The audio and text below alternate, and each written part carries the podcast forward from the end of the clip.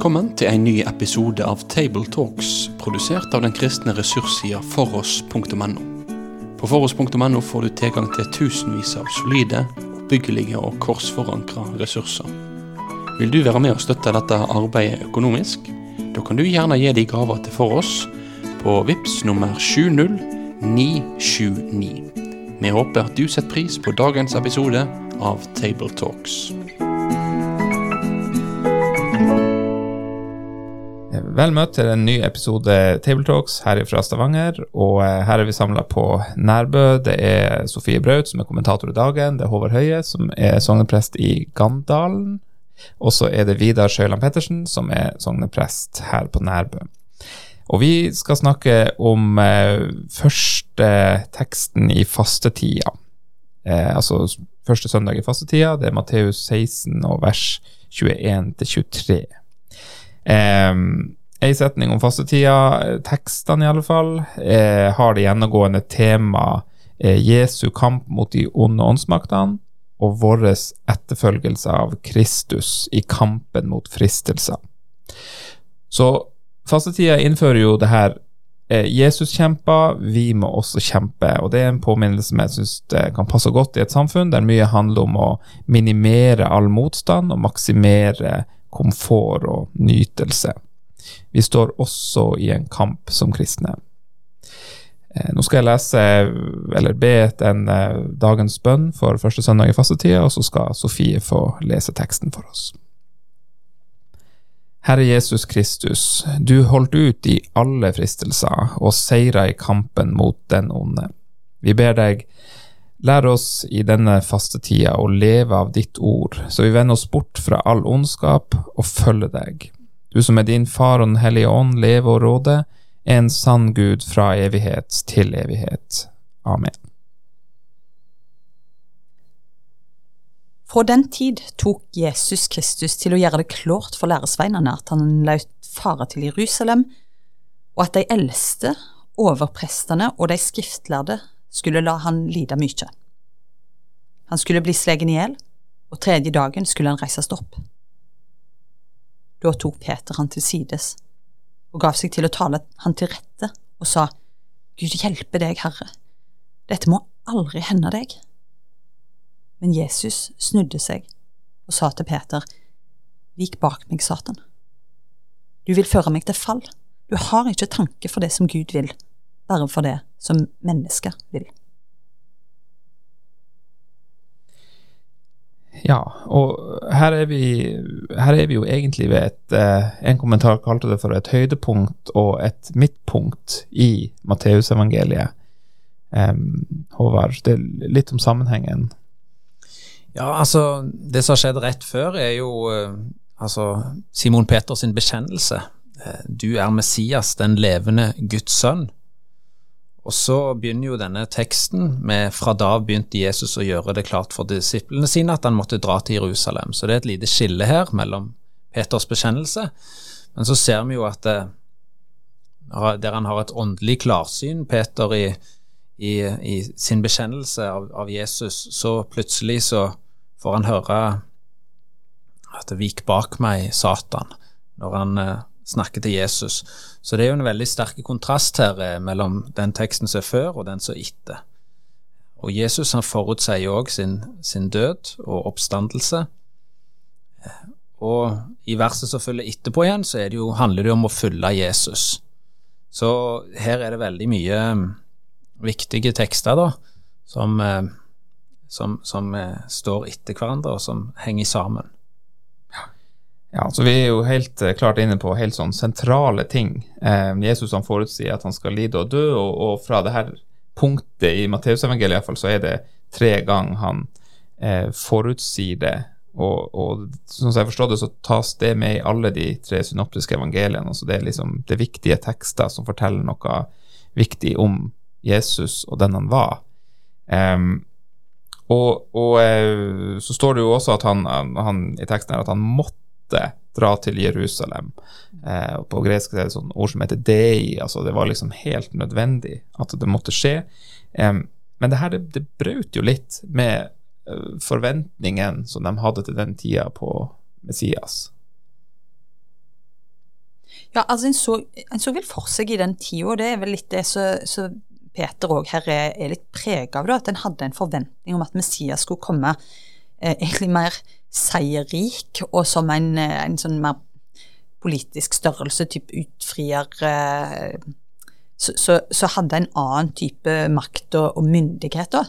Og så virker vel egentlig det Jesus sier her, til å gå rett imot det som egentlig er den forventningen som på en måte eh, han i det, i det Peter og de andre disiplene begynte å innse. Sant? Og, og Peter gjør et veldig tydelig uttrykk for det rett i teksten som går forut her, med, med det som Håvard nevnte, at uh, han gir et vitnesbyrd om hvem, Jesus er. Du er Messias. Uh, og så passer vel egentlig ikke dette helt inn, og det er vel litt av det som er, er foranledningen for, for Peters reaksjon her, er det ikke det? Ja, og, og, Jesus han har jo en annen plass i Matteus, så trekker han jo fram en annen tekst, eller, en annen, eller da trekker han jo fram om Jerusalem. Sier han jo at Jerusalem, Jerusalem, du som slår profetene i hæl og steiner dem som er, sendt til deg. Hvor ofte ville jeg ikke samle barna dine som en høne samler kyllingen under vingene sine, men dere ville ikke. Så hør, huset deres blir forlatt og legges øde, for jeg sier dere, fra nå av skal dere ikke se meg før dere sier, velsignet er Han som kommer i Herrens navn. Så Jesus trekker jo fram noe annet enn at, eh, at Jerusalem-ferden hans er en sånn eh, ja, sånn i ære og makt og sånn, men, men at det profetene blir også slått i hjel i Jerusalem, og, og, det ligger òg i det han skal. Altså, han går inn Ja, han skal jo òg bli det. Ja. Mm. Ja, og, og, for dem, ikke for oss i dag, så, så er jo det her en veldig sånn selvfølgelig greie at eh, ja, Messias, altså Jesus, han var jo eh, både den her seierrike Eh, eller det ser vi kanskje mer senere, men, men han, han, skal være både den seierrike og han skal være den lidende tjeneren fra Isaiah 53, eller ja, her Isaiah-tekstene. Og, og, for oss er det kanskje det selvfølgelig, men for dem så var det her liksom en, en vanskelig kombinasjon. Eh, og, og, de skjønte det vel kanskje ikke helt før på en måte Jesus var stått opp og hadde både fått litt tid på seg til å skjønne hvordan det her hang sammen. da. Eh, men jeg har tenkt at det, kanskje den teksten som kommer etterpå, er en tekst som vi kjemper mer med i vårt eh, samfunn i dag, eller som kristne i dag, da, med at eh, dem som vil følge Jesus, han må gå inn i det samme sporet mm. som Jesus gjør. At, at, lidelsen og kampen kanskje er en naturlig del av det å være kristen. Ja, og, og, det er jo noe som på en måte Vi kan jo fort uh, havne i det der at vi sier ja, det er noe som vi blir veldig utfordra med i vår tid. sant? Vi har veldig sånn sans for egen komfort. Vi lever i et land som er veldig preget av velstand osv.. Men jeg tror jo dette er noe som har utfordra folk til alle tider. Da, at det går veldig imot det mennesket søker eh, hva mennesker har sans for, på en måte. Først og fremst kanskje å ordne litt godt til for seg sjøl, og liksom unngå lidelse i alle slags former. Og det er vel egentlig det som ligger litt bak det. Så eh, Peter så tar Jesus til side og skal gi han et skikkelig alvorsord, er jo liksom nettopp det. Nå må du passe litt på deg sjøl, liksom, og. Og, det er et ekko av noe veldig sånn menneskelig. Uh, men, men, så er det jo det du videre sa i stad om den der nødvendigheten av, av lidelsen, da. Uh, det både, gjelder jo det som Jesus snakker om sin egen vei til Jerusalem, men når du kobler på den neste teksten, så er det jo en nødvendighet, noe vi må akseptere i vårt liv òg, at det følger lidelse med en disippel sitt liv. Mm.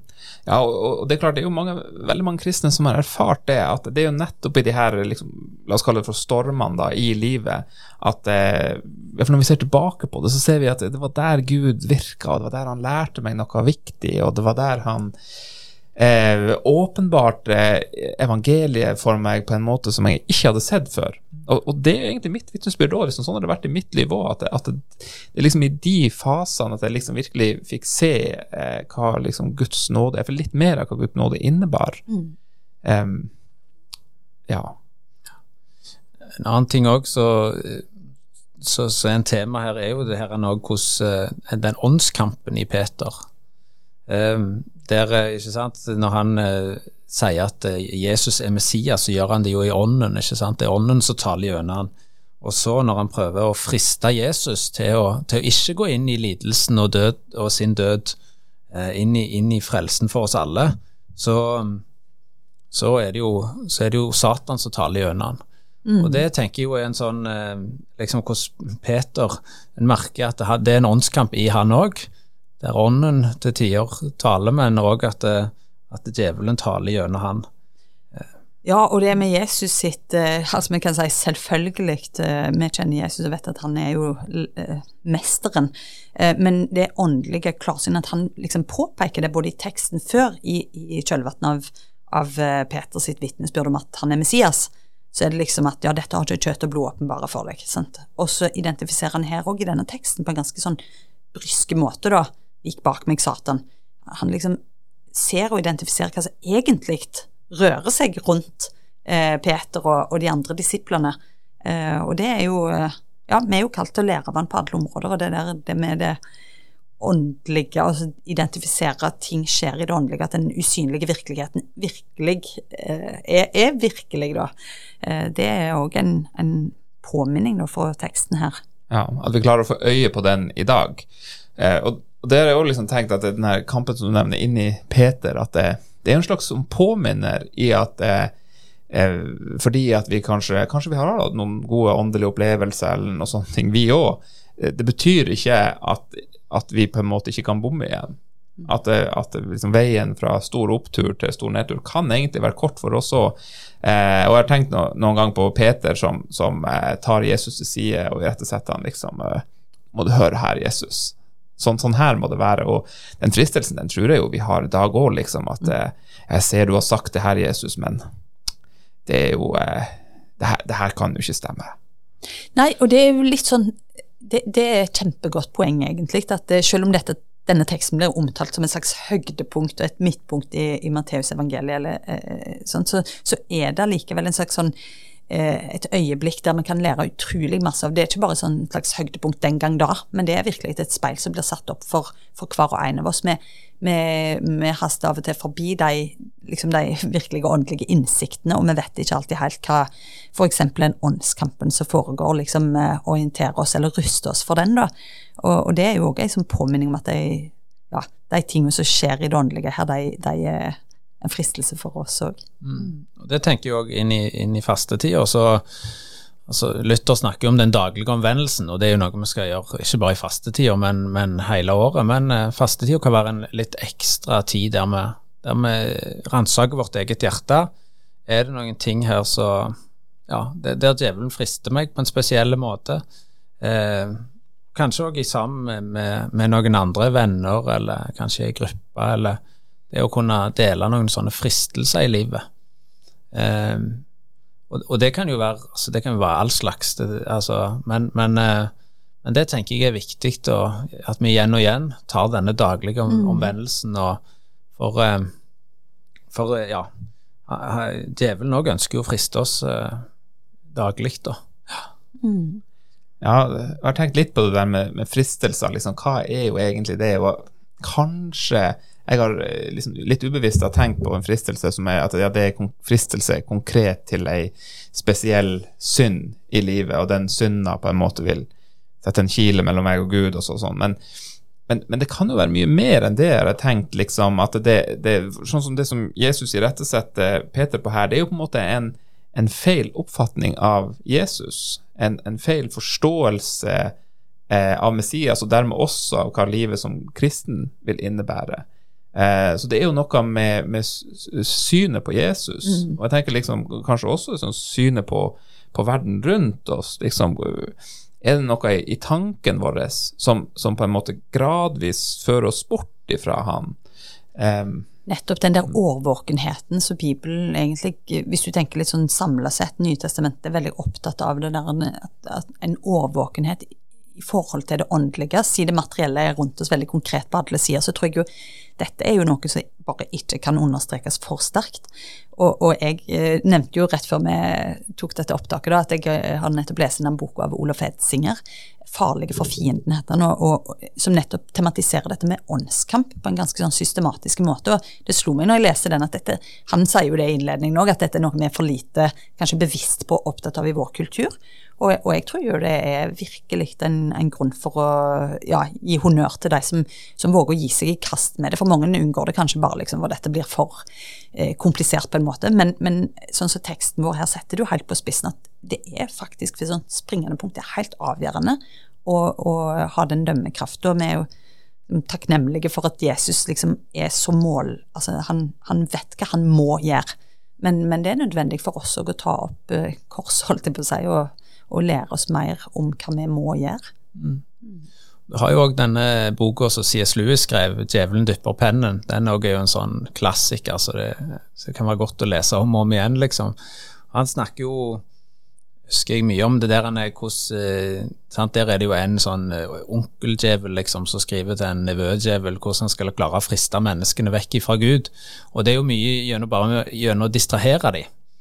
Altså liksom Det er en da som sitter på en benk ute i parken, og så plutselig får han en, en, en, tanke Oi, er det noe mer her i dette livet? Du trenger ikke kjempe mot den tanken, liksom, sier den der onkeldjevelen da. Men få heller en avisselger til å komme bort til han, ikke sant? eller en trikk å kjøre forbi, eller bare få han til å tenke på noe annet.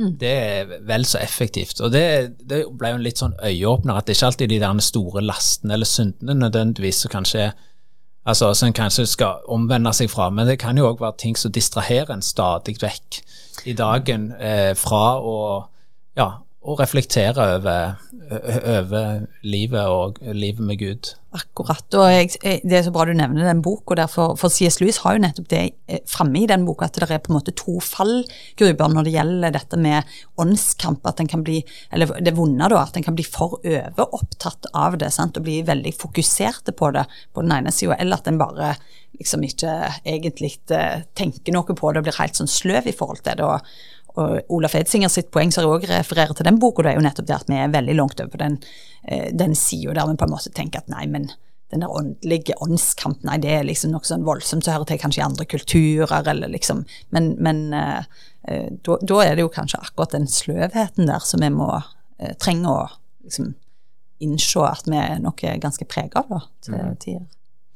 Ja, og, og, når du nevner det liksom med, med han som blir distrahert så er vi jo kanskje også litt inne i fastetida, liksom, med å eh, prøve å kanskje legge litt mer fra oss de tingene som vi merker tar mye oppmerksomhet. Og, og et opplagt eh, forslag der er jo mobiltelefonen, som, som nordmenn eh, Statistisk så ligger vi vel rundt fire timer om dagen på den, men eh, mange ungdommer som ligger på seks og oppover, liksom. Og det er bra mange timer i løpet av et år.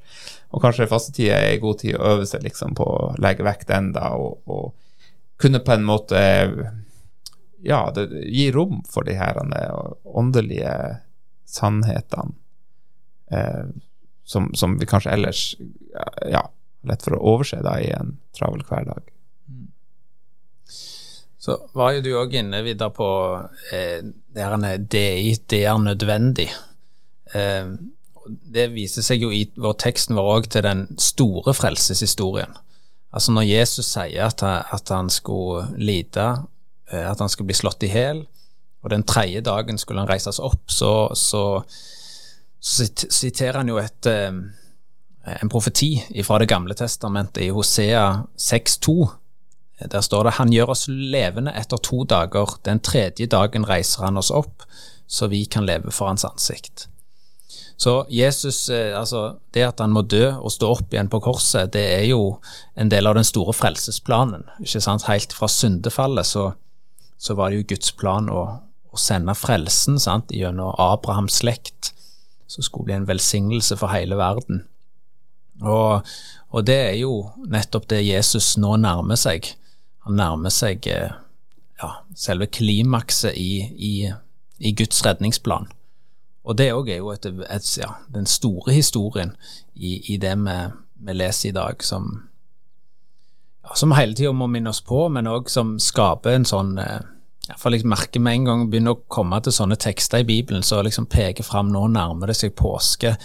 det skaper et sånn ekstra håp da i meg, og liksom og en trygghet, og, og noe Det resonnerer noe veldig djupt i troa, da. Um, som, som, vi stadig må minne oss på òg når vi preker, at vi må minne på å oh ja, den store frelsesplanen. Mm. Ja, og den er jo veldig annerledes fra den frelsesplanen som Satan foreslår, f.eks. For når han frister Jesus, at hvis du bare feller ned og tilber meg, så skal jeg gi deg hele verden. Altså Han tilbyr han jo på en måte en ja, at han kunne frelse gjennom ren styrke, da. Eh, og kanskje det er liksom det her menneskelige som, som Jesus sier her i teksten, du har sansen for det som hører mennesket til. Eh, det flotte, store, fine som, som vises, vises, for alle sammen. Eh, kanskje det som Luther kaller for herlighetsteologi. Og så kommer eh, Jesus og sier at nei, vet du hva, det er faktisk helt nødvendig at jeg eh, soner for alle de menneskene, og, og, går på en måte lidelsens vei. Det er den eneste måten å gjøre det på. Eh, fordi at eh, det gikk så djupt i oss, eller det er jo mange grunner, men, men det er iallfall en av dem. Ja. Um, og det er jo eh, egentlig veldig sånn der Jeg kjenner blir litt sånn takknemlig når jeg snakker om det, at han valgte det. Ja, og så føler jeg teksten her òg Dette er jo en av de tekstene som kanskje fyller ut og korrigerer et bilde av Jesus som ja, bare en litt sånn snille, greie storebror, eller sant? Eh, altså en sånn litt endimensjonale figur som han av og til kan bli, da, at han er en slags sånn um, Ja, altså jeg, jeg, føler jo at dette er en tekst som setter oss litt på sporet av, av, um, av et mer utfyllende bilde da, av Jesus som, som myndige, og som, uh, som, en virkelig sånn autoritet, og som den som er virkelig mesteren. Så, så til og med i møte med vennen her og alt det. For, for Jesus var jo sant menneske òg, og, og, vennskapsdimensjonen til, til Peter er jo helt uomtvistelig, holdt jeg på å si, når vi leser om hvordan den har utvikla seg, og måten han valgte disse ut på, og måten Peter fikk en, en plass på. Men allikevel så er det liksom noe med den myndigheten han snakker med, som nesten er litt sånn jeg vet ikke hva dere tenker, men det er mest sånn skremmende òg, med den konfrontasjonen som skjer her. Det er jo det er jo litt sånn annen Jesus vi møter her enn i en del tekster. Ja, og det er jo litt eh, Altså, det virker jo som nesten dette er en, en fristelse òg for Jesus. Det å unngå kors og lidelse. For sant, i Getseman òg, sant. Sånn som du vil, far. Mm. Ikke sant? Dette vredens beger. Så, så, det er jo klart at det, eh, han er sann Gud og sant menneske. Det er liksom Ja, det er jo vanskelig Jeg skal ikke begynne å spekulere hvordan akkurat hva tenkte Jesus, og hvordan opplevde Jesus det, for det, det er veldig vanskelig å si. Men en aner jo her at dette er en, en fristelse som, som, Satan virkelig ønsker å legge inn i Jesus. da. Ja. ja.